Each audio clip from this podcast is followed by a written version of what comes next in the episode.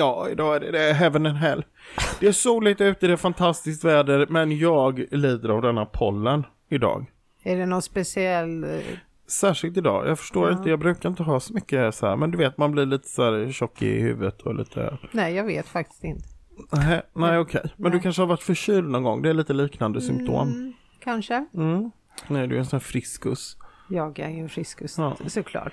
Glider genom livet på en räkmacka. Men det är ju för att jag startade mitt liv med att vara rökare och drack kaffe och... Och du börjar i andra änden så att säga. Ja, Ja, men det är bra. och sen har jag bara förbättrat mina vanor och ovanor. Därför Härligt. jag är så frisk. Mm. Nej, få- men för övrigt är det väldigt bra. Mm. Ja, själv då? Idag är jag extremt nöjd. Mhm. Jag har lyckats äta två måltider innehållande tomatsås utan att spilla på min vita t-shirt. Ja, det är en bedrift. Det vet jag knappt hur man gör. Mm. Alltså hur försiktig man än är så blir det fläckar. Så nu känns det som att om jag spiller kaffe nu Mm. när vi sitter här, det spelar ingen roll för jag har klarat av de största utmaningarna och det är Ja. tomatsås. Men tricket är ju att eh, det är lite här mindfulness-tips som du har gett i tidigare avsnitt. Mhm. Ja, så här, lite stanna upp, kanske inte kasta i sig maten, inte försöka se ut som att man är uppvuxen på en kennel. Utan slafsa, utan man tar lite tugga i taget. Ja, just det. Kanske använder sked om man känner sig lite osäker. Mm. Man behöver inte utmana ödet genom att äta med en gaffel varje gång. Du får inga bonuspoäng för. Nej. Alltså, nu sitter jag här och känner att vi, tänk vilka rika liv vi ändå har. Vi har mycket att berätta om. Pollenallergi och hur man äter pasta. Nej, det var inte ens pasta. Nej, det var inte ens pasta med tomatsås. Nej, det var potatis. Men du ser vad mycket det finns att dela. ja, det är inte klokt. Mm. Så att här sitter jag jättenöjd med min vita t-shirt. Mm. Jättefin. Och fin i håret är du också. Verkligen. Det känns som Mm. att det här börjar bli standard att man ska berätta hur fin hon är i håret. Ja, jag tänker att det kanske ger poäng. och du behöver inte säga någonting tillbaka för jag missar frisörtiden två gånger nu. Jag ser för eh, hemsk ut i håret. Det är därför vi har en Men- podd och vi har inte kommit igång med vår YouTube-kanal ännu. Nej, exakt. Och då känner jag så här, fram till dess. Hänger lev på livet. håret eller? Ja.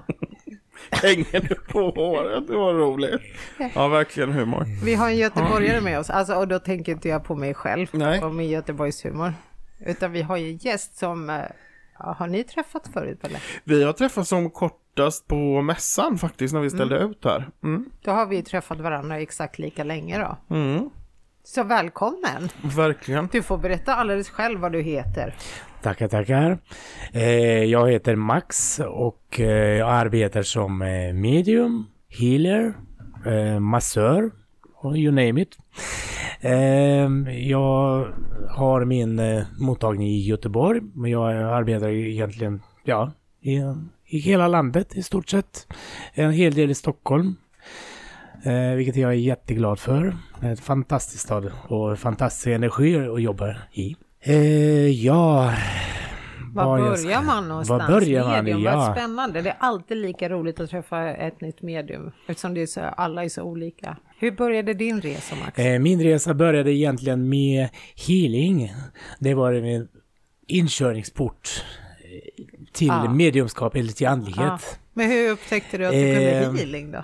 Jag upptäckte det ganska tidigt, eller jag under min uppväxt. Eh, eh, jag har andlighet med mig i familjen nämligen. Min eh, gammelmormor, hon har varit en riktig örtkvinna, hon är en klok gumma.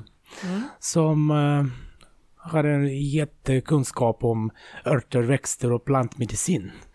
Så eh, när jag, ja, fram till åtta års ålder så har jag bott hos henne så det var liksom Ja. verkligen ynnest att få ta, ja, att få lära mig allt om växter och inte bara blommor och blommor och bin. Men även om eh, alla egenskaper vad det var. Det, det kändes så lätt och naturligt för min del. Så att, eh, och väldigt intressant. Jag brann verkligen för att eh, vandra i naturen, i skogen och i ängar och ja, inte bara lukta utan lära mig om. Så det där kommer ju ganska naturligt. Plus Ja, mitt intresse och hon kände att jag var den rätta personen att förmedla dem, föra, alltså, som kan föra den kunskapen vidare. Ja, jag tänkte just att väldigt Och fan- generöst av farmor ändå Men överföra hon kände, det var gammal mormor Ja, så det gam- var verkligen så det är två, hon har Ja. väntat i två generationer. Ja, det är så. Min mormor, hon har ju varit en läkare så det var liksom där skolmedicinen som gällde. Eh, Min mor var inte lika, lika intresserad av det där. Det var som min gamla mormor kände, det där var verkligen Ja. Jag tänkte du var ju bara åtta år. Liksom. Ja precis, Ja. men jag var väldigt vuxen, alltså lillgammal. Ja. Men så här, så sen fem års ålder så Ja, jag började liksom memorera saker om plantor och hur man gör med dem och sådär. Så det kom bli ganska naturligt. Men det där är också fantastiskt att det får leva kvar. Alltså att man kan förmedla det vidare till, till nästa generation. För det är ju också ett kulturarv arv att förvalta. Ja, det fanns liksom ingen lit- litteratur om det. Eh, Internet existerade inte så det, det var väldigt svårt att få tag på det skri skriftlig form. Så man fick bara memorera det enda sättet att, ja, att kunna behålla den och föra vidare. Så jag kände liksom att eh, jag kände inte det ansvaret att det ligger på mig och så jag måste. Det kommer ganska naturligt precis som att andas. Så, så det här med örtkunskap, det, var, det kom allra jag, jag först. tänker bara på dagens åttaåringar liksom. De behöver väl fortfarande inte bre sina mackor själva i den åldern. Det kommer väl inte förrän vid 13-14 års ålder eller? Eh, det vet jag inte. Det kan jag Ja just det, du hade inga ungar. Nej. Nej jag bara tänkte så här, det var roligt att jämföra liksom. När du var åtta då fick du den här enorma kunskapen. Jag tror att jag var på stadiet där jag fick lära mig knyta skorna. Eller. Ja, just det. Ja, ja precis. Mm, jag är 70-talist och då var liksom ett, ett annat liv man levt och andra fritidsintressen man hade. Det var liksom mycket mer nära natur och så. Även jag var född och växte upp i en storstad men det var ändå alltid nära till naturen. Så det där var som inget främmande, inget läskigt för mig att vistas Nej. i skogen till exempel. Eller ja. Så det var, ja. Kan du nämna någonting man, ska, man kunde bota med hjälp av de här örterna som du Eh, till exempel när min eh, mamma fick eh, vagel och det är ganska obehagligt så att eh, eh, när, när infektioner växer och ögat det går knappt, knappt att öppna så hon skulle så va, ställa sig i på en operation så men sen blev det som en sån nära blodförgiftning så fick hon eh, hjälp av en shaman plus örter från eh, gammel, av gammel mormor. Ja. Och det fick, eh, så två dagar senare gick hon till jobbet så allting bara försvann. Det var liksom en magi. Alltså om du har receptet så tror jag att vi, vi kommer kunna tjäna oss en liten hacka på det här.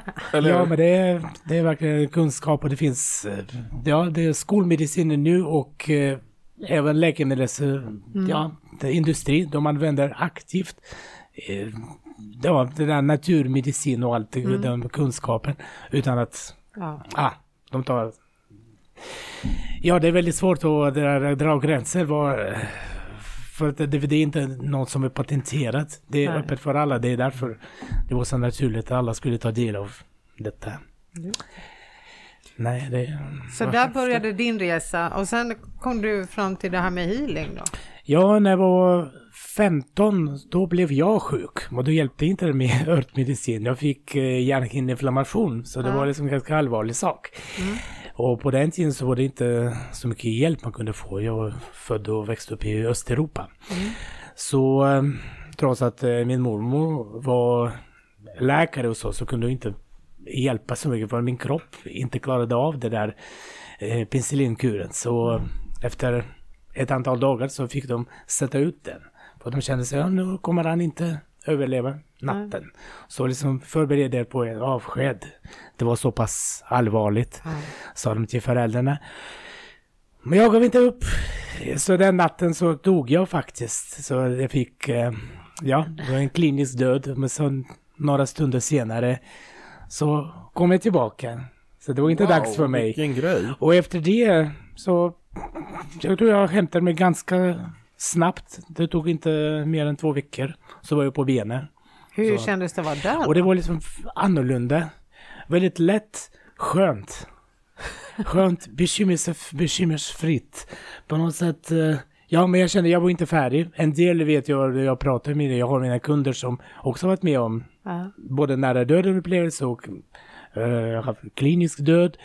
Men det är fortfarande, de, de ville vidare. De ville inte tillbaka för de har varit med om så mycket hemska saker här som de ville slippa. Mm. Så smärtan och sådär.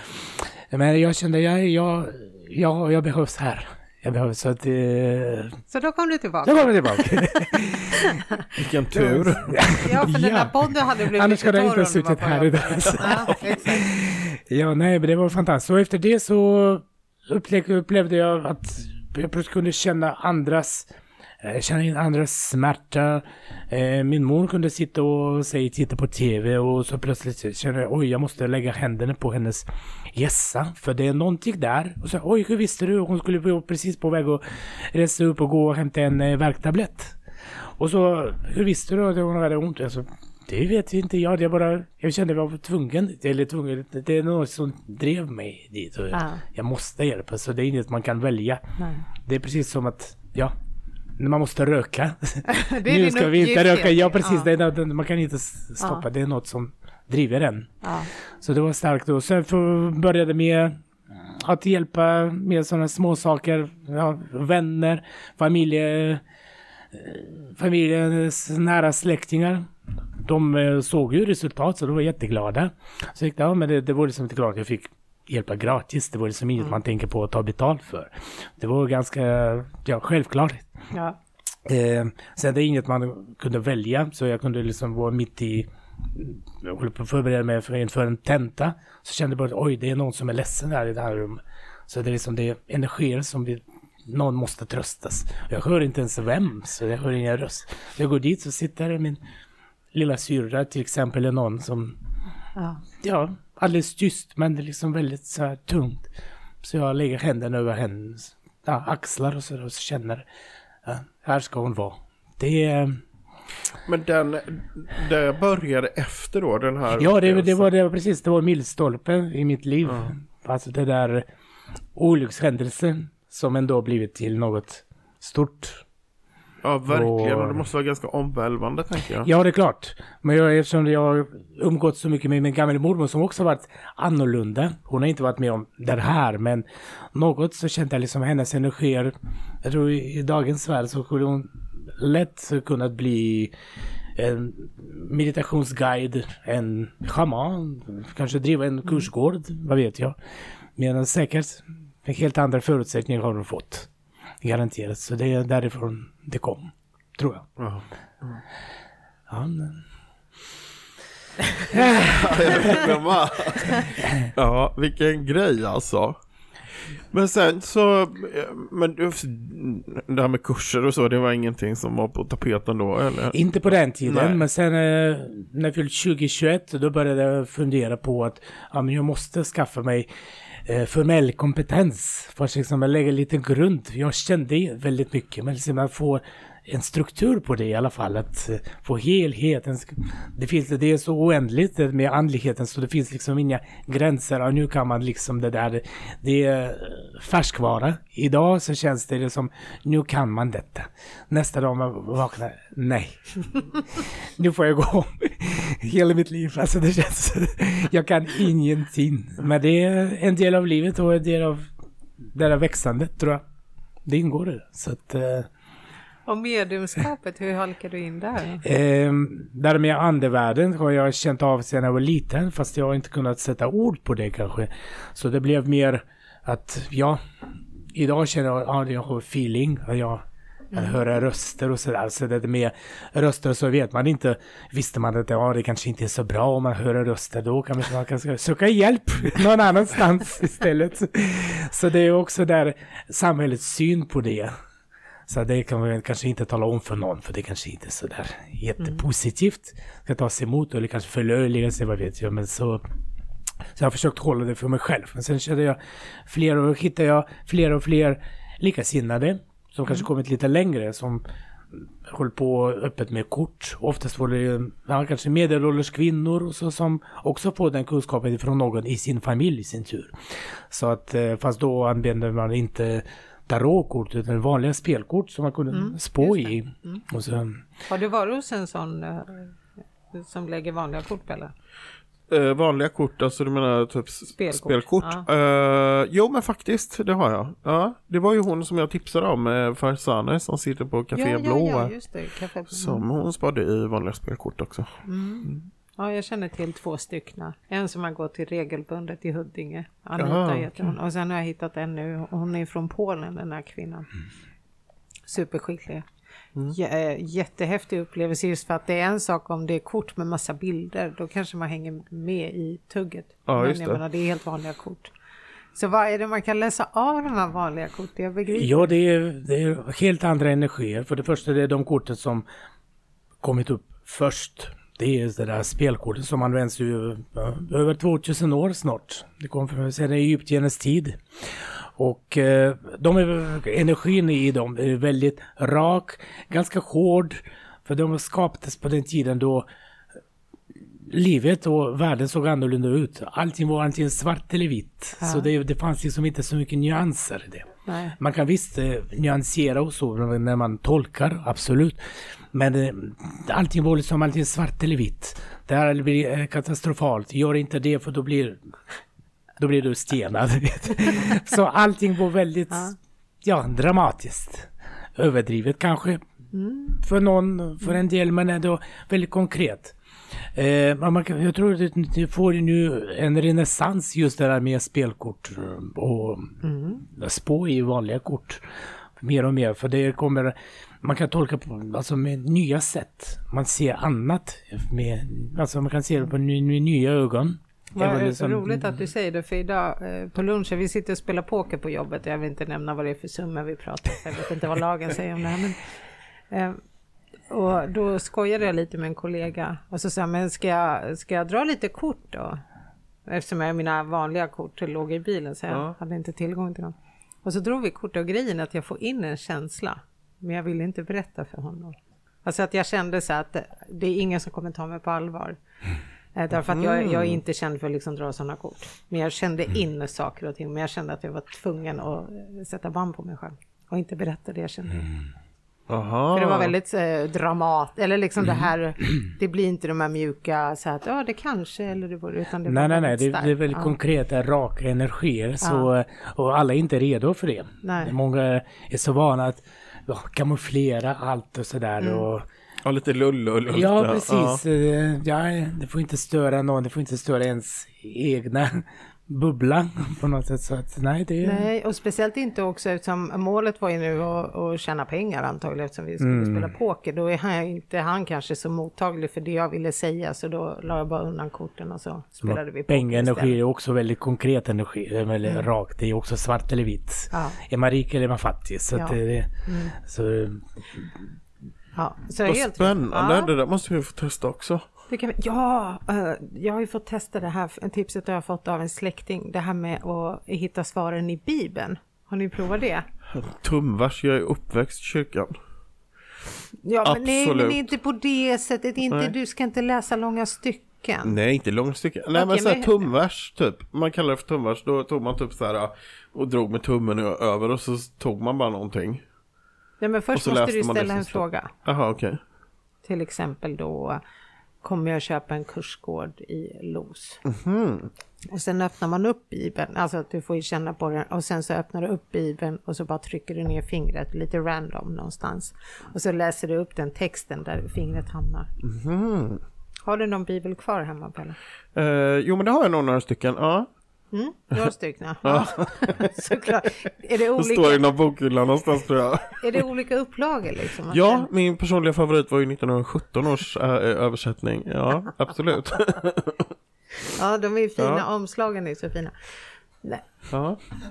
Jo, jag hade en i svart skinn som jag tyckte väldigt mycket om. det är väl läckert. Det är lätt att inreda med när det är svart Ja, men mycket, mycket. Ja, det passar in i många olika. Absolut. Men eh, testa, dra fingret. Eh, Ja, först kanske jag ska dra fingret genom dammet för jag antar att den har blivit ganska dammig. Den läses inte varje dag numera kan jag säga. Då utan tänker jag, är det verkligen pollen du lider av eller är det dammallergi? Alltså jag, nej nu framstår det som att jag har det dammigt hemma. Det kommer aldrig hända. Jag eh, städar ju maniskt. Men just, just Bibeln kanske är lite dammig, ja. Då får det väl vara så. ja, då får det vara så då.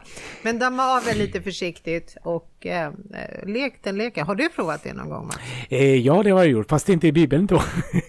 Men eh, ja, andra böcker och eh, Änglabudskap till exempel. Mm. Jag arbetar inte så själv personligen så mycket med Änglaanergin och så med den, den, den kanalen. Men de gånger jag gjorde det med Änglabudskap så kände jag, ja men jag får se. Mm. Slå upp en sida och så fram ett finger. Mm. Blunda, känna in. Och så får jag svar. Det, det. det har fungerat de flesta gånger faktiskt. Ja, vad roligt. Även om kanske mitt ego inte ville acceptera detta Nej, för nej. stunden.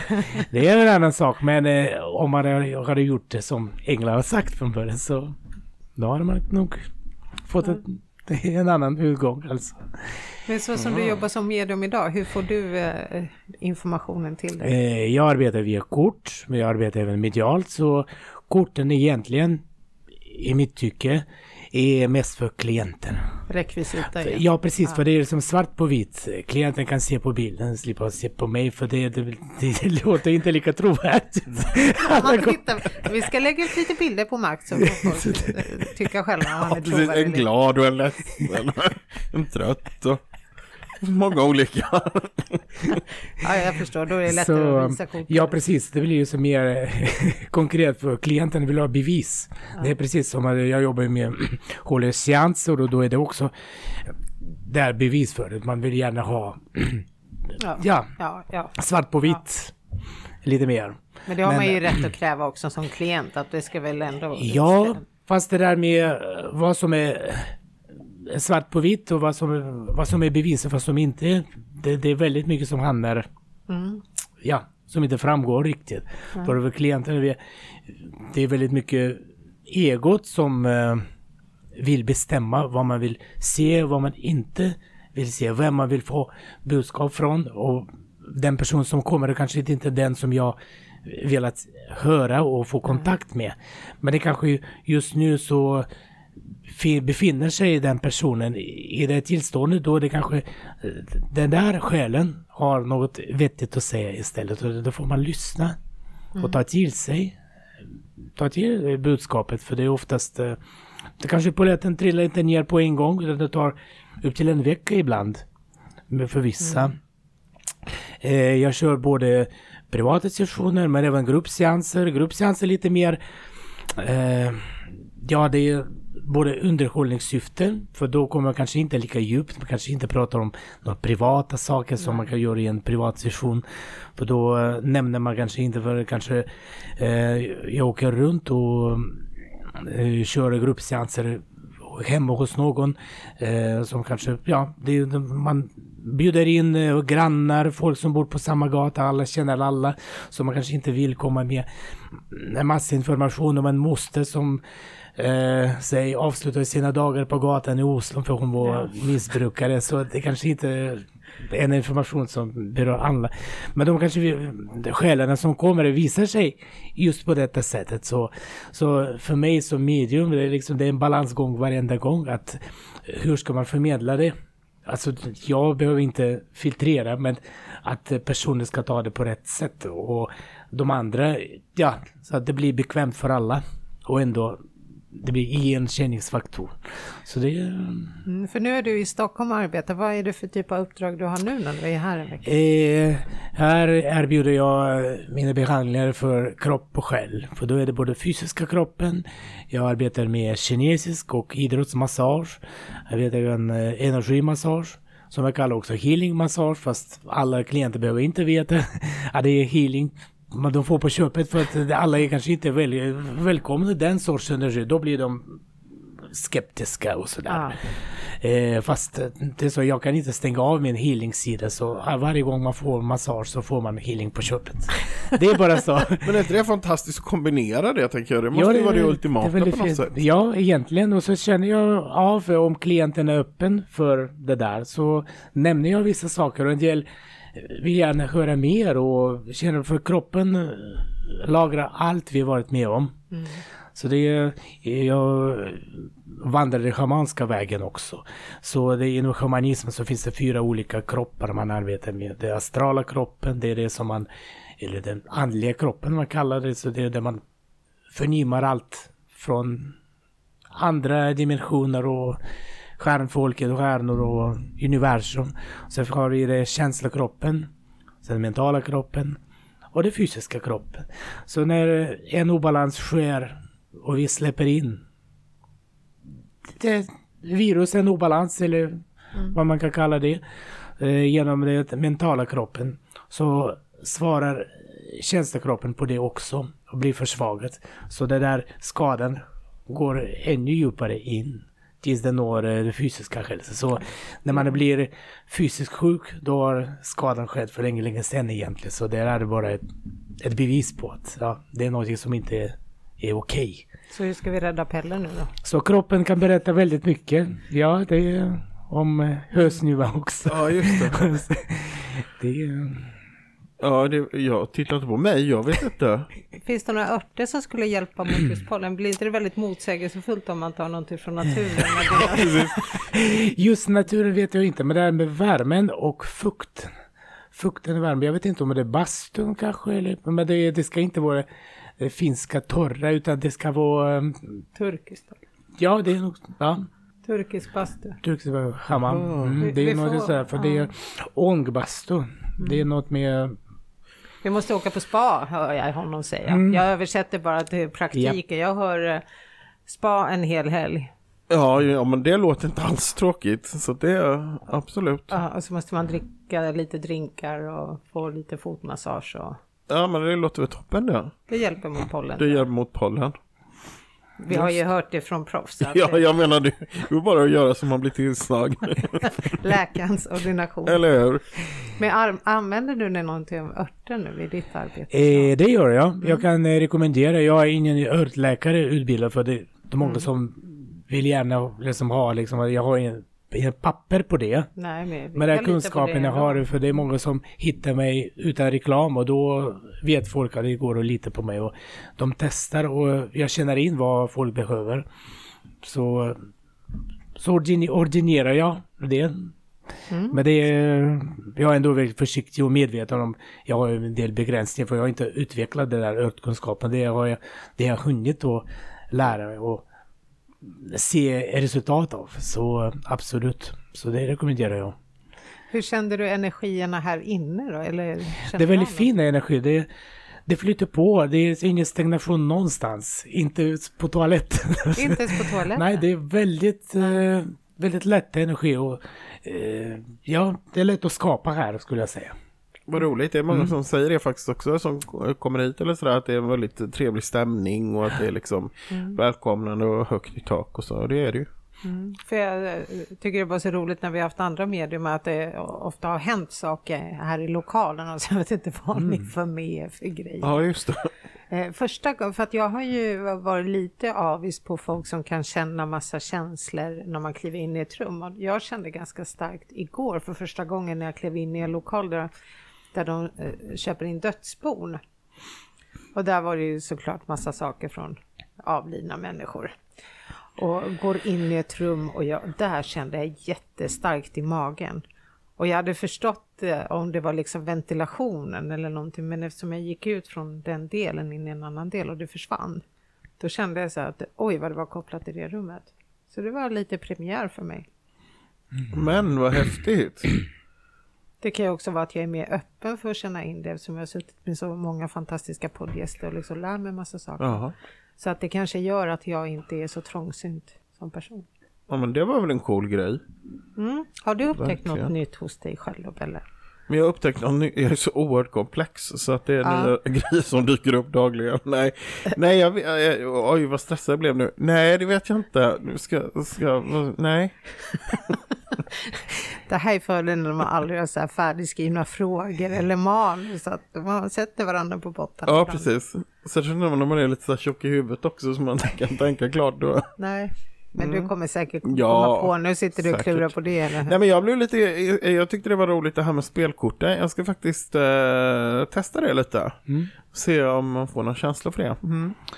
Ja men det är ju en väldigt intressant del i spådomsvärlden. För man kan spå i väldigt olika saker men eh, just spelkort, jag upplever en renässans nu faktiskt. Det, det är verkligen på uppgång. det ser man med, som med allt annat. Det är något som håller på att glömmas. Sen så, så kommer det bli aktuellt igen. Det, det kanske föds en ny generation som får ett intresse och så. Det kanske, det får en annan innebörd. Men eh, ja, Mm. det, jag kan inte kalla det modegrej men eh, ja. Mm. För kaffe har vi blivit spådda. Jag har ju också varit där, kaffeblå. Ja, just det. Just När, det. när det var en kvinna. Vilket, vilket land kom den? Var de från? Iran? Eh? Iran tror jag. Ja. Och hon spår ju kaffesump. Och det har inte jag sett tidigare någon annan göra. Nej. Jag tänker det är väl, eh, det har vi ju pratat om förut också, men det är väl liksom som en trigger på något vis. Att det sätter igång någonting. Mm. Sen vad det är kanske inte liksom egentligen så viktigt. Mm. Om det är kaffe eller om det är, Nej. ja, vad det är. Men vart har du eh, gått dina utbildningar någonstans? Eh, Jag har gått en eh, massage och eh, healingutbildning i Polen och Sibirien. Eh, och sen fortsatte jag ja, slipa på det i Sverige. Så jag har gått utbildning i Göteborg. Mm. Eh, på Änglagård där jag har träffat Våran tekniker har vi hängt Ja. med dig, Robert. den kära teknikern. Och eh, ja, så jag har gått runt. Sen har jag också gått några kurser i USA, i Florida. Och det var också där med tarotkunskap och ja, så det finns olika skolor även inom tarot. Så man använder olika metoder, olika, eh, olika sätt att se på det. Och det är också intressant att kunna kombinera så hittar man sitt eh, egna unika sätt. Så jag arbetar på mitt sätt. Jag håller kurser i tarot. Senast för två veckor sedan så var det en kurs i tarot i Stockholm. Så, Det har så vi jag ut missat. för, så lärde ut folket och jag har hittat min metod som inte likt någon annans. Så, jag, så folk kan på ett lätt tillgängligt sätt och lära sig och få helheten. För det är, det, det, många fastnar just där. Det, det är så många kort, så många eh, ro- roller och färger och allt och vad som är vad. Alltså finns det något system? Så jag, jag vet inte, jag tror jag har fått det i, en eh, dröm. Så vaknade jag så visste jag hur jag ska lära ut. Så det, det kom bara sådär. Det är inte så att jag satt och funderade och skrev ner och så mindmapping och hit och dit. Nej, det kom, det kom liksom en klar form. Det var bara att Bara skriva ner det. jag bara skriva ner och börja lära ut. Och, Men alltså stopp och belägg. Ja, Jag, jag, nu ska jag prata en liten stund om mig själv. så klädsamt. Det är ju väldigt ovanligt, men, men det händer då och då. men alltså, för jag lägger ju lite tarotkort. Jag tycker det är väldigt, väldigt roligt. Och det ger så mycket. Men jag har ju de senaste månaderna tänkt sådär att man skulle vilja gå någon form av utbildning just för att få lite mer kött på benen och lite liksom input och kunna utvecklas och bli bättre. För det finns förbättringspotential, det kan jag ju säga. jag trodde det var helt fel. nej, så, så, så, nej, det finns förbättringspotential. Jaha. Men, men, eh, men så du håller alltså sådana kurser då? ja, det gör jag. Och just Ja, Stockholm. sign me up, säger jag då. Ja, du är välkommen. Gud Absolut. vad roligt. Men är tanken att man ska lära sig alla de här tarotkorten utan till Om man ska göra Det, blir, det, blir, det kommer på automatik. Det är inget man tänker på. Nej. Utan det bara det sätter sig. Ja, jag kanske gör Pelle sällskap då. Ja, det vore ju Ja, jättekul. men absolut. Tänk om jag är bättre än vad du är. Det Kan- spelar ing... Du får så gärna vara bättre, men jag tänker inte... I det här gebitet tävlar jag inte med någon. Gör du inte det? Nej, den här andliga utvecklingen, den är så individuell. Jag är helt befriad faktiskt från... Det skulle inte göra med någonting. Nej, jag Fast ger jag tror ändå... att jag inte har någon chans. Nej, vi har ju provat. Jag testade att dra, latcha med, med Pelles kort när vi skulle dra lite kort och det, nej, det gick ju åt skogen. Nej, men om man ska nu dra paralleller till andra saker. Låt oss säga, jag har ju gått eh, andra kurser. Till exempel har jag gått en stand-up-kurs för länge sedan. Och eh, jag håller med de människorna som säger att alla är väldigt peppande, och väldigt glada och väldigt stöttande så länge alla är på samma nivå. Men är det en som börjar dra iväg, då är inte folk lika snälla längre. Just att om man ska titta det så att, nej hur ska man kunna liksom tävla inom stand-up?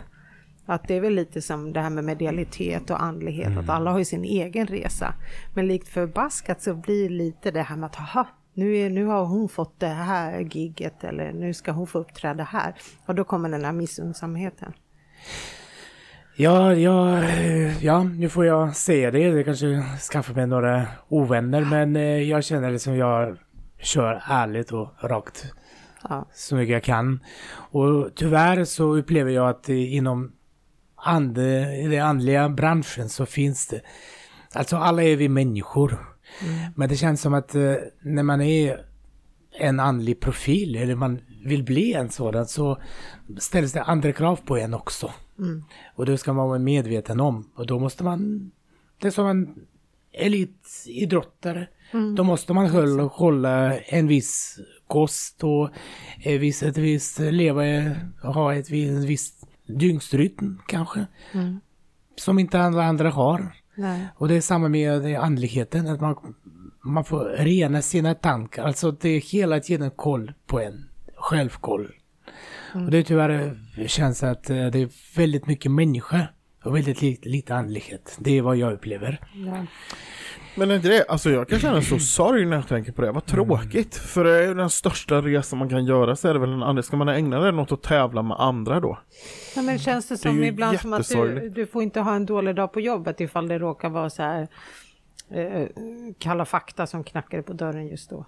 Du får inte ha en dålig dag för att då, då är det bara bluff. Ja, just det. Ja, du tänker så ja.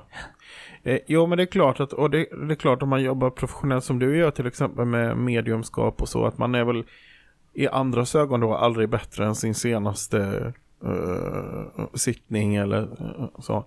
Eh, det är klart att det måste ju vara en väldig press. Men jag tänker just eh, liksom kollegialt eller i branschen att man inte kan lyfta varandra istället. För det borde ju vara det som gör Ja, man tycker att det borde vara väldigt självklart, men jag vet inte riktigt om jag tycker att Det var det jag menade, att just att istället för att sänka varandra, att lyfta varandra. Oavsett kön. Män eh, kan lyfta andra män och män kan lyfta kvinnor och kvinnor kan eh, uppmuntra andra män så, så att det inte blir eh, vi låser in oss i små boxar och här, ja. Mm. Nej, för alla har ju sin unika gåva, men jag tänkte just att, för det är inte ovanligt att om, om du och jag skulle ha en sittning och så säger du någonting till mig och så kanske inte jag är helt med i matchen och när jag går därifrån så säger jag att äh, nej, det där känner inte jag igen och så tar det kanske en och en halv vecka innan den här poletten trillar ner och så inser jag att ja men just det, men då är det nästan så att jag har ju redan hunnit säga till åtta vänner att nej, nej det där var ju ingen bra. Alltså just att man har alltid ögonen på sig.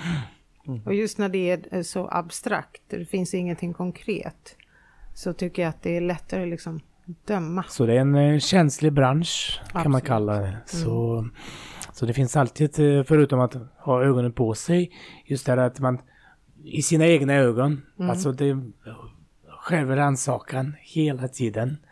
Det är ju... För man har ju en viss makt, om man kan kalla det, över andra människor. För människor som kommer och behöver hjälp, oftast i utsatt eh, läge på något sätt. Så de, och då får man absolut inte... Man, man är medveten om det, man får inte använda, man får inte Nej, lov- man får inte missbruka. missbruka. Nej, för det är någonting som, eh, som slår tillbaka.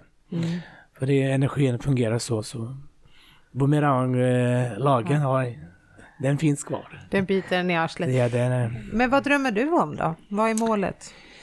Eh, ja, att eh, nå ut till ännu fler, att kunna hjälpa ännu fler. Eh, ja, att fortsätta slipa på mina kunskaper. Jag är väldigt kunskapstörstig. Jag går gärna nya kurser, nya utbildningar, öppna för, för nya saker.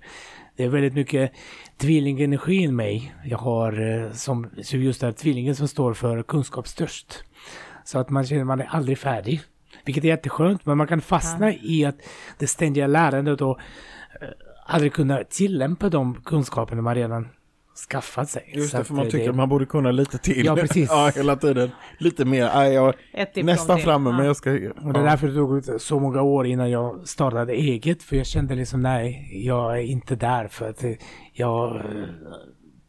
Den nivån på kunskapen har inte jag ännu. Nej. Men, sen, men de, man blir aldrig färdig, då ska man vänta i flera liv för att In- kunna starta och börja erbjuda sina tjänster och säga nej, jag drar det gränsen, jag tar den risken. Ja, hur gick den där resan till för din del då? Hur började allting när du skulle starta eget? Ja, till en början så tänkte jag erbjuda healing-sessioner för jag kände det det är något som jag höll på med längst och det är där jag känner mig säkrast. Den svåraste biten, eller den mest utmanande, jag skulle inte säga svåraste för när jag var där så var det inte så svårt. Men det där med att hålla seans och andevärlden, att kunna ha tillit till egen tillit för, till vad, jag fått till mig. Alltså om det är verkligen på riktigt, att det inte är min hjärna som ställer till med något. Så, Ja. så att det är verkligen inte på låtsas. För då kan jag förmedla det och kan förmedla det till andra vad de vad de har fått för kontakt och på något sätt så det är inte för att få låta mer tro, trovärdigt men mer Ja, för att släppa egot helt enkelt. För det där var den svåraste biten. Att man verkligen kan. Och alla kan egentligen. Det är det. Ja. Man har kanske lite olika vägar, olika långa vägar till det. Men alla skulle kunna. Ja. För att alla har vi de tentaklerna som sticker ut och som kan förnimma allt omkring oss. Vi alla. ja, tänk om fler trodde på det. Men började du ta emot klienter hemma eller skaffade du lokaler? Eh, jag började göra hembesök och ta emot hemma. Och så lägga kort på det så kände jag det var en bra kombina- kombination. Så man fick lite vägledning och se vilka förutsättningar man hade.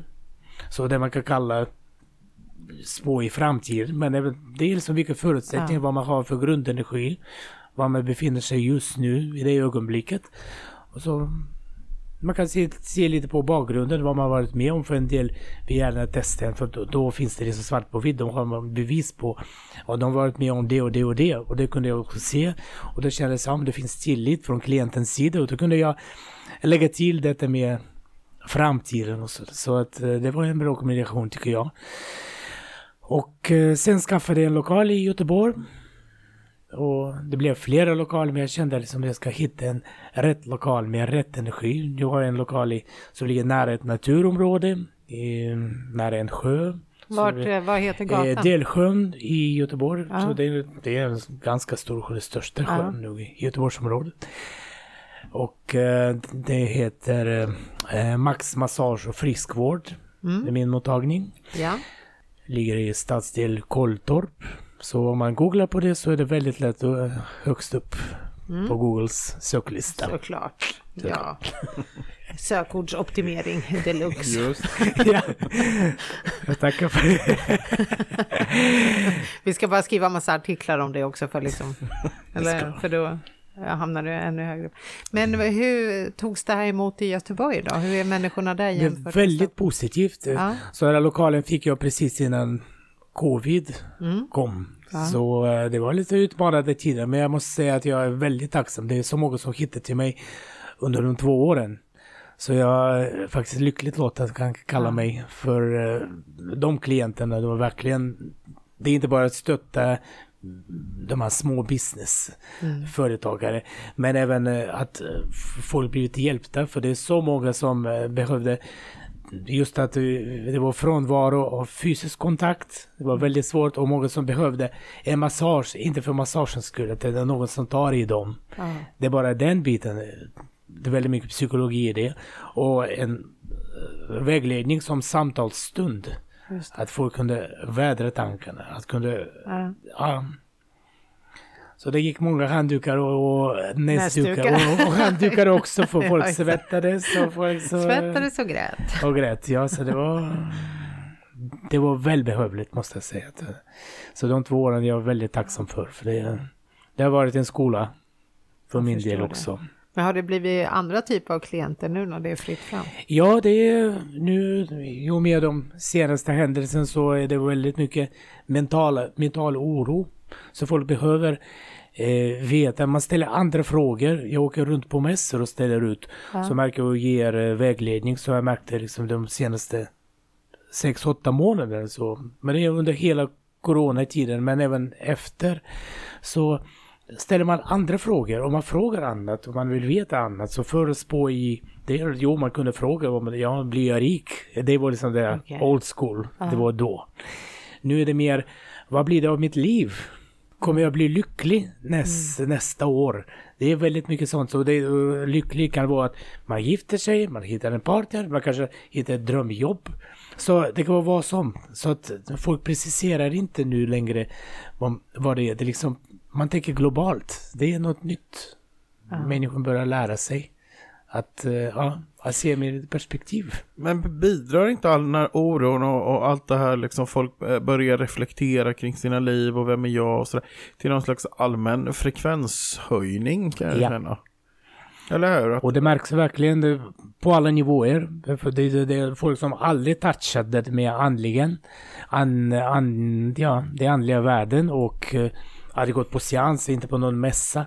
Och så plötsligt ställer sådana frågor som, ja, för mig är det ganska naturligt men för dem bara för ett par år sedan har det varit helt Otänkbart. otänkbart. ja. Så, att, så det är verkligen, det har med frekvenshöjning så det kommer att beröra alla. Men är man, ju mer öppen man är så desto lättare att gå till nästa nivå. Eller lättare och lättare Ja. men ja, mindre motigt skulle jag sagt. Och när du är här i Stockholm och erbjuder dina tjänster, har du någon speciell adress du tar emot? Eh, just nu har jag ingen eh, speciell adress men man får gärna kontakta mig på Facebook, Instagram. Mm. Vi lägger ut det här hemsida, ja. såklart i gruppen. Min hemsida, alla- The Very Spirit. Mitt företag så man får gärna kontakta mig så svarar jag ganska Ja, snabbt så ja, för att det är ju roligt ändå att du är i Göteborg, för många av de som vi har träffat har ju varit väldigt Stockholmsbaserade. Mm. Jag menar, alla som lyssnar på podden bor inte i Stockholm. Eller? Nej, Gör så de är det väl. Nej, det vet jag inte. Nej, men det tror jag inte. Nej, det bor väl folk lite överallt som lyssnar på podden, hoppas jag. Det hoppas jag med. Ja, det tror jag. Örebro kanske. Örebro. ja, till och med där. Kan vi prata UFO nu? eller? UFO. Nej, Men jag vill ju bara fråga. Dessa ufon. Släpp och gå vidare. Jag vill Nej bara då. veta, har du sett UFO nu? Eh, jag har inte sett, men väldigt många som sett det i Sibirien där jag bott Ah. tidigare med familjen. Så folk eh, noterade, en del tog bilder. Det fanns inte den där mobilen på den tiden så Nej. man kunde, eh, ja lite svårare att se, men eh, ja, jag känner folk som, som har sett, som Ja. varit med om de upplevelserna också. Så att det är inte helt främmande. Spännande. Ja, det är inte bara den där stora starka karln, vad heter han, Kareli, vad heter han, han som kommer från Nej. Sibirien? Just det. Ja, Han kommer just från den staden. Ja. han gör det. Mm.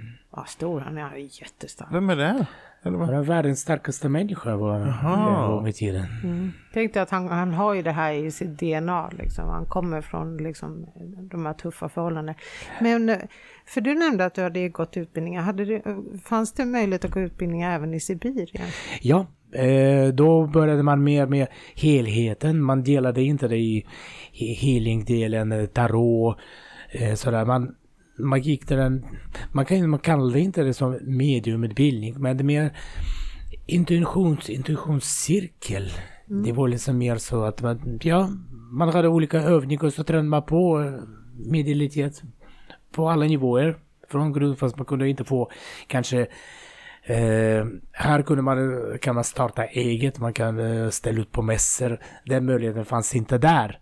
Men däremot så för, för egen del och kanske för hemmabruk så absolut så har man kunnat Mm. lära sig. Men det är många som har blivit intresserade när landet började öppna upp sig efter då Gorbatjov kom och Mm. det blev lite mer fritt. Så litteraturen kunde man komma åt. Så det var, eh, ja, resor till Himalaya har man startat. Så det var väldigt mycket folk, många som åkt dit och fått kunskap på plats. Mm. Alltså verkligen För- från kärnan. Jag vet inte om jag, det är jag som är så här fördom- fördomsfull igen, men jag tänker att om det är sådana ställen som är lite så här karga, liksom som Sibirien och så att just att det handlar så mycket om överlevnad, att du måste lära dig hur naturen fungerar och Men det är väldigt Ja. bördigt landskap vi Ja. har det. Så det är. Eh, så det är nära naturen. Det är, man kan använda det av... Ja, man går inte hungrig. Men man Nej. bara får tänka till hur man lägger upp det. Och mycket med planering och samspel. mm. Det där man, är, man blir inte ensam och inte stark där. Nej, men, nej är- exakt, för skulle man skicka oss dit, alltså vi skulle bara gå runt och leta efter en 7-Eleven och du skulle väl ringa efter Foodora eller något sånt där. Vi skulle väl bara, ja, Ja, antagligen. att vi skulle inte överleva så länge.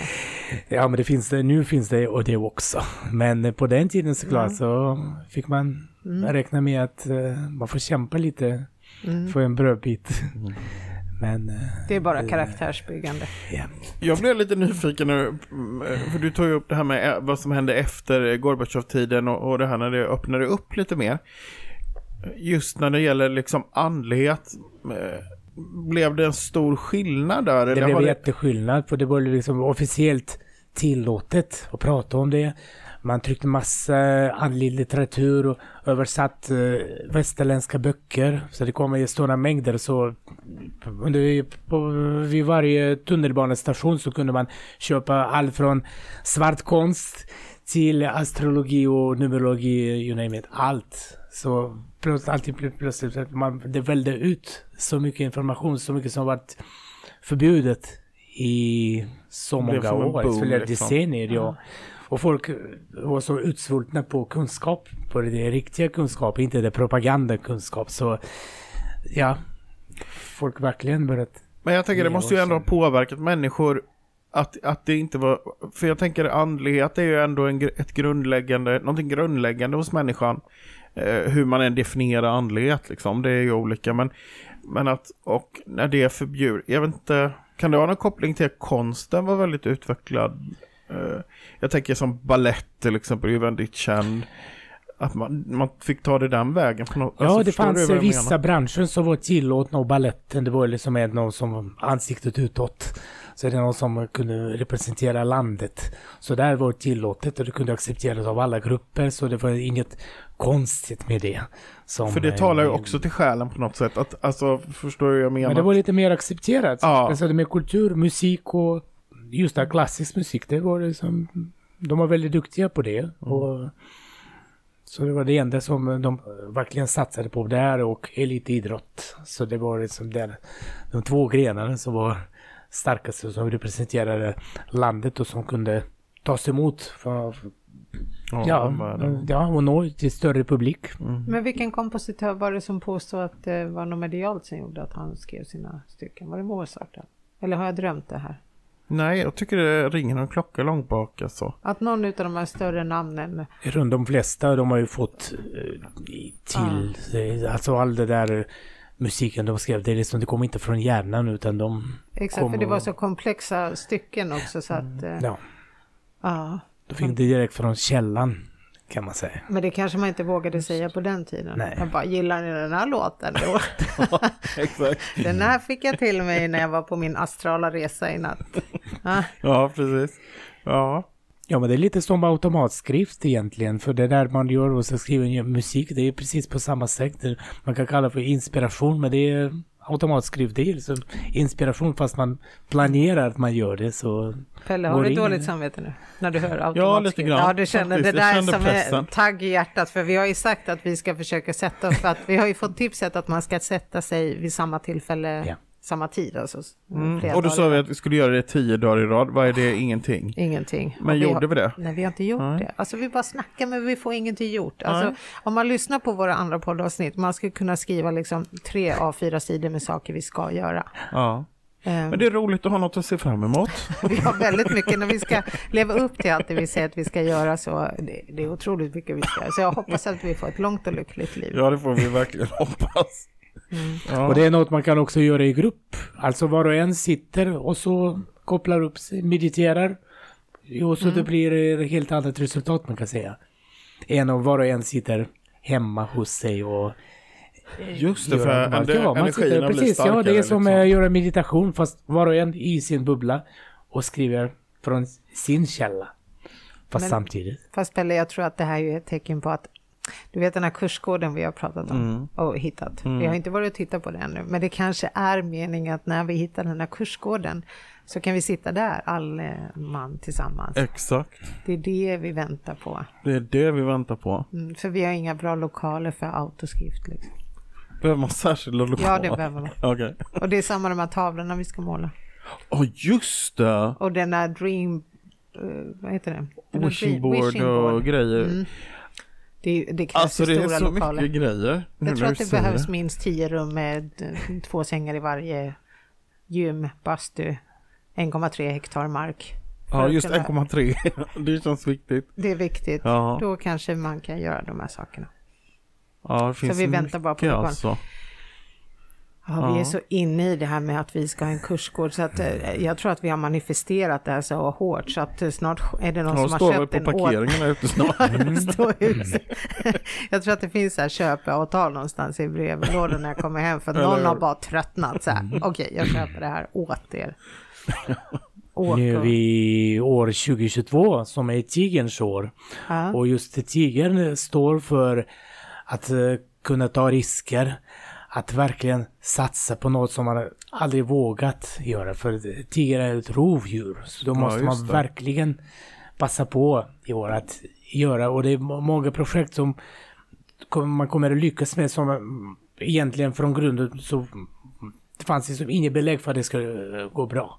Och så plötsligt så vänder det. Man får hjälp från ett oväntat håll. Det kan lösa sig på ett oväntat sätt så att det året för, ja, jag råder verkligen. Max, nu råkar jag ha väldigt mycket kort här. Skulle du kunna tänka dig att dra lite kort? Ja, absolut. Ja, Ja. ja. Vi kan väl, om man kan ställa frågor så kan vi väl ställa frågor om den här kursgården. Välj det som känns bäst här. Jag börjar med tarotkort. Det här är änglatarot jag har med mig. Ja, men om du Ja. har egna kort så kör dem. De där är... Ja, ja, ja. vad Gud vad roligt det här blev nu. Ja. Titta Ett man. medium utan kort så... Ja, ja, gud, Nej, jag det är menar, som vad är en väl det? fisk utan en cykel. Fisk utan fjäll. Cykel sa jag. Ja, Cykel. Cykel Ja. sa jag. Ah, Fisk utan Fjäll. cykel ja. men, men fisk utan fjäll. Ja, jag det är tänkte väl en fisk ål? har väl fjäll. Inte en ål? Jaha, det är också, åh, den är så, åh, ser ut som ormar. Åh. Ja just det, du har ormfobi. Mm. Ja, Hur ska så. det här gå om man går och köper sig en herrgård, ett värdshus? Mm, tror du inte jag tänkt tanken? är du Hur duktig på hypnos? Ja, jag arbetar med eh, regressionsterapi. Mm. Och det kan man kalla det en något slags lättare hypnos. Eller djupare meditation. Bra. Så att eh, det ingår i det också. Bra, för vi behöver jobba bort det här med ormfobi, för du måste ju kunna gå i skog och mark. Ja. Mm. Alltså det är väldigt begränsat. Alltså, jag försöker ju att tänka logiskt va? Att, att det är inte är farligt att gå på en stig till exempel. Men så kan jag övertala mig själv och så går jag 10 meter på den här stigen och sen är det precis som att jag kommer på vad fan är det jag håller på med? Och då får jag panik Ja. och springer. Ja, jag är jag, jätteknepigt. Mm. Mm. Nu går vi och ställer frågor Mm. angående herrgården. Herrgården i Los. Ja, då tar vi den konkreta Extremt konkret. Mm.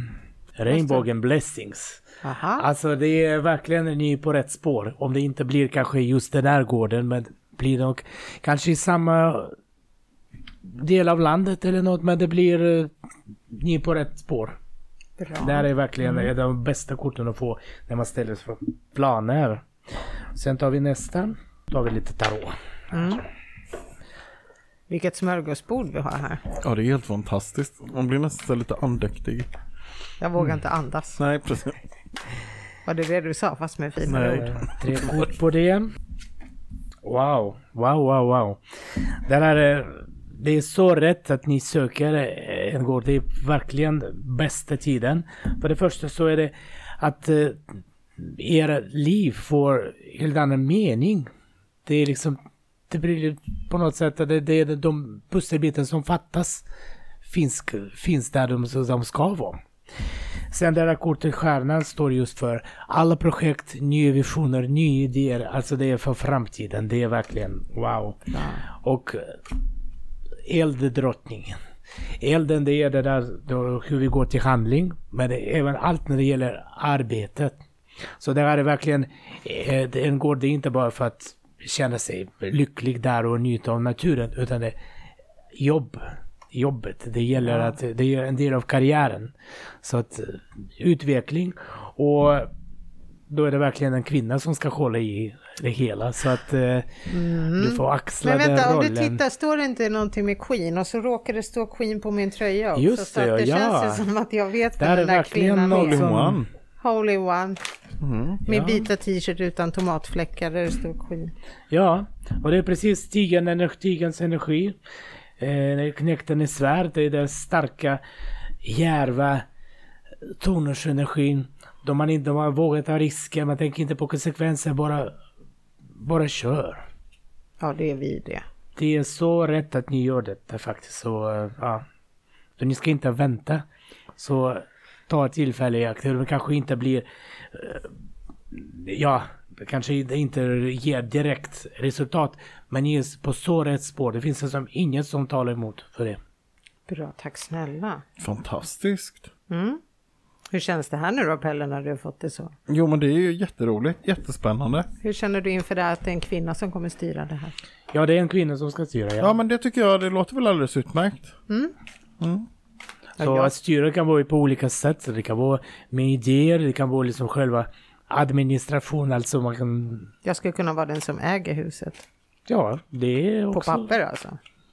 Ja, så att eh, det ska... Det är viktigt. Är du med? Är du med mig när jag ska till banken och knacka på? Har du lust att bara ta med lite Ja, kort så kan vi berätta eh, för min banktjänsteman. Mm. Nej men är, när ni gör detta och så är det första året när det börjar rulla. Mm. Så, ni får väldigt många nya människor dit. Alltså det är någon som, det är kanske någon som inte varit med i eran podd. Det kan vara för, ja, både nybörjare, folk och de som varit med ett tag. Så Mm. Perfekt, det är ju den målgruppen vi är ute efter. Ja. Alla ska vara välkomna. Ja, det segerkortet är magiken så alltså bättre kan det bara inte bli. Alltså på riktigt. Det är så mycket Mm. flow just nu. Bra. Vad härligt. Underbart. Mm. Känns väldigt bra. Jajamän. Vad roligt, tack snälla. Mm, verkligen. Nej, men det var ju visning där idag så att Ja just det. ja. Mm. Jag har ju namnet och numret till säljaren så att vi kanske... Ja just det. Nej men vi ska ju dit en snart. 20. 20. Mm. Och gå och titta lite. Och det är precis som du har sagt också att vi ska ju dit och känna in energin och är det, känns det inte rätt då kanske det inte är just det huset. Men att det finns idén något annat, Ja, ja. exakt. ja för Så idén dör ju inte. Ja. Ja. Nej. Mm. Eh, utan vi fortsätter tills det känns rätt. Mm. Nu vart du alldeles tyst Pelle. Jo men jag blir, ja precis. Ja. Mm. Har du börjat drömma dig bort redan? Ja precis. Du har lämnat? Nej men jag är lite tagen av energin. Nej, jag tycker det är otroligt häftigt alltså. Jag tror att du är sjukt duktig på det du gör. det är liksom, mm. Mm. Tack, tack, tack. ja man blir mm, helt, ja. Jag ska i alla fall gå kurs hos dig. Sen får du säga vad du vill. Ja, ja. Då får jag säga. Nej men ja, det vore väldigt roligt faktiskt. Mm. Och jag ska gå till banken. Ja, så går vi på varsin dag. Och så möts vi sen. Får vi se hur det gick för dig och hur det gick för mig. Eller hur? Ja, Ja. spännande. Nej, det, det enda är liksom allting på bild känns ju helt rätt. Det är ju såklart man vill veta eh, om det är väldigt stort renoveringsbehov och liknande. Det kan man också se eh, i kort. Då faktiskt. tittar vi på en gång. Tänkte du på hela gården eller på själva det där Eh, Jag tänker, templet eller lokalen? eh, Exakt. Jag tänker hela liksom huvudbyggnaden för att man ska få igång verksamheten. Då tänker jag att, att det ska vara top notch utan så att det viktiga fungerar. Värme, avlopp, vatten, eh, sådana saker. För bara man får igång sen kan man ju liksom snygga till det. va? Ja, det kan man ju ta Ja, exakt. Men bara att För det... jag känner det är något ni kommer behöva göra efter egen smak, efter er Ja. stil och så, så det ska passa verksamheten. För det Exakt. känns som att den gården ni hittar kommer inte att... Ja, den har inte använts i det syftet tidigare, Nej. så den behöver kanske inte energilyft, men däremot så rent praktiskt, det kanske det. andra färger, så att eh, det, det är inget som är ruttet och så, men Nej. eh, däremot så, ja, det är som en annan vibb Just det. behövs. Mm. Mm. Ja, jag kan säga att ni, ni får titta på flera gårdar. Så, Ja, okej. så att, eh, mm.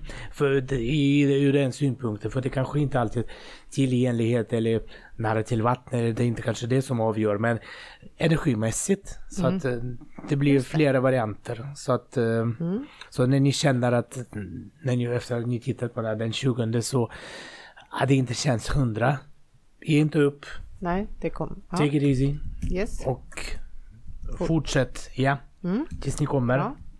För nu är det igen svärd så sen känner ni, åh det där är precis hur jag velat haft det. Slå till på en gång. Så, Yes. Mm.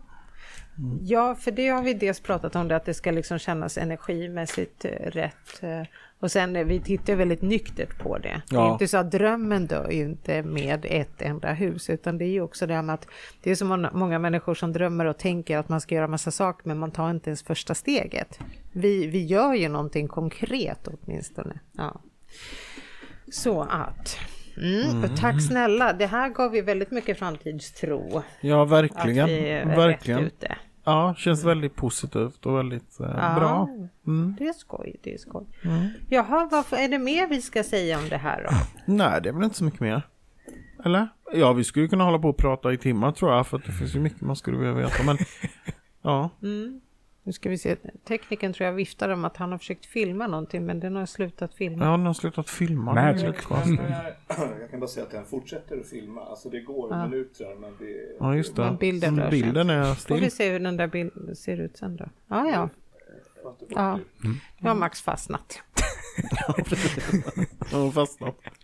Det Ja. kanske kroppen och energierna är inte riktigt i balans. Någonting som inte är... Den fysiska kroppen har liksom stelnat men anden liksom lever kvar. Du får ge lite healing Pelle så att kropp och själ kan mötas igen. Fantastiskt fint sagt. Verkligen. Ja, ska kontemplantera, Vad komple, komp, komplantera över detta. Vad betyder det? Kontemplera, alltså det, tänka över. ehm, Varför sa du inte Ja. bara det? Varför sa du inte bara jag ska tänka över? Varför? Jo, det kunde jag väl gjort om jag hade kommit på det, men nu valde jag rätta ordet istället. Jag ber om ursäkt. Jag är så dum. Nej, du är ju så smart så jag måste ju fråga vad du säger. Det var jag som var den korkade Jaha. som behövde den förenklade versionen av att du skulle tänka över. Ja, nej men det, vi tänker på att. Så. Det kommer bli en ordbok också. Som Ja, just det, det ska vi ha. En citatbok. Citatbok, ordbok, ordbok, pekbok. Bok. Ja, gud, nej, jag tror det är bäst vi avrundar här för att annars så. Annars vad? Det lät som ett hot. Annars. Ja, gud. Ja, Men Max, alltså stort, stort tack för att du ville sitta här med ja oss. verkligen fantastiskt roligt. Tack för att jag fått komma. Ja, och vi lägger Tack. ut som sagt all information så att folk i både Stockholm, Göteborg och i hela landet hittar dig förstås eftersom du är väldigt mobil har jag förstått. Ja. Var blir nästa mässa någonstans vill jag avslutningsvis? Eh, nästa mässa blir faktiskt på lördag i Göteborg. Det är en eh, mindre mässa. Mm. Eh, sista mässan innan sommaren på västkusten. Perfekt. Så eh, då ska jag köra en miniseans och även eh, erbjuda vägledning. Aha. Eh, du om- som kan väldigt mycket om mässor, är den i Stockholm, Harmoni Expo, är det den största i Sverige? Det är den största. Det är den största. Eh, så till höst så kommer jag vara med på mässan i Solna såklart. Och även eh, en annan mässa i Södertälje Mm. i början på oktober. Så det är Mm, I. Södertälje två besök, ja, också. så det är två besök i Stockholm i Perfekt. oktober. Oktober. Det ska vi också kolla upp. Vi ska vara Ja, med på samma faktiskt. mässa som du där i Solna. Men då ska vi kolla. Och sen var det i Enköping nu den 21, 22. Ja, det stämmer. Så Mm. det är också en av de större mässorna som eh, är fler och fler som hittar till. Så att eh, det sprider sig folk. Det finns verkligen en efterfrågan. Spännande, dit åker jag. Du kan ju inte följa med Pelle för du ska åka till Grekland. Just det. Mm. Ja, Jag har lite välförtjänt eh, solsemester. ja, Ja. såklart. Vi hoppas på många tyskar. Eh, där. Gör vi det? Ja, för de är oftast väldigt kraftiga. Så då behöver man inte skämmas, utan då kan man gå runt och känna att ja, men jag är inte så tokig ändå. Ja, fast tyskarna är så stora bara för att visa att de har råd att äta. Ja, det är, så kan det vara, men det är anledningen det bryr jag mig inte så mycket om, utan det är mest, Men tänk om du bara tittar på och tänker, där kommer en sån där fattig ja det rör mig inte i ryggen faktiskt. Då blir jag bara glad. du. Jag önskar dig mycket glädje på din resa. Men Ja, vi, tack. vi ses innan du sticker Ja, det gör vi. Ja. Tack snälla Max. tack. Tack, tack. Tusen tack. Och eh, vi hörs om en vecka. Ja, det gör vi. Hej, hej!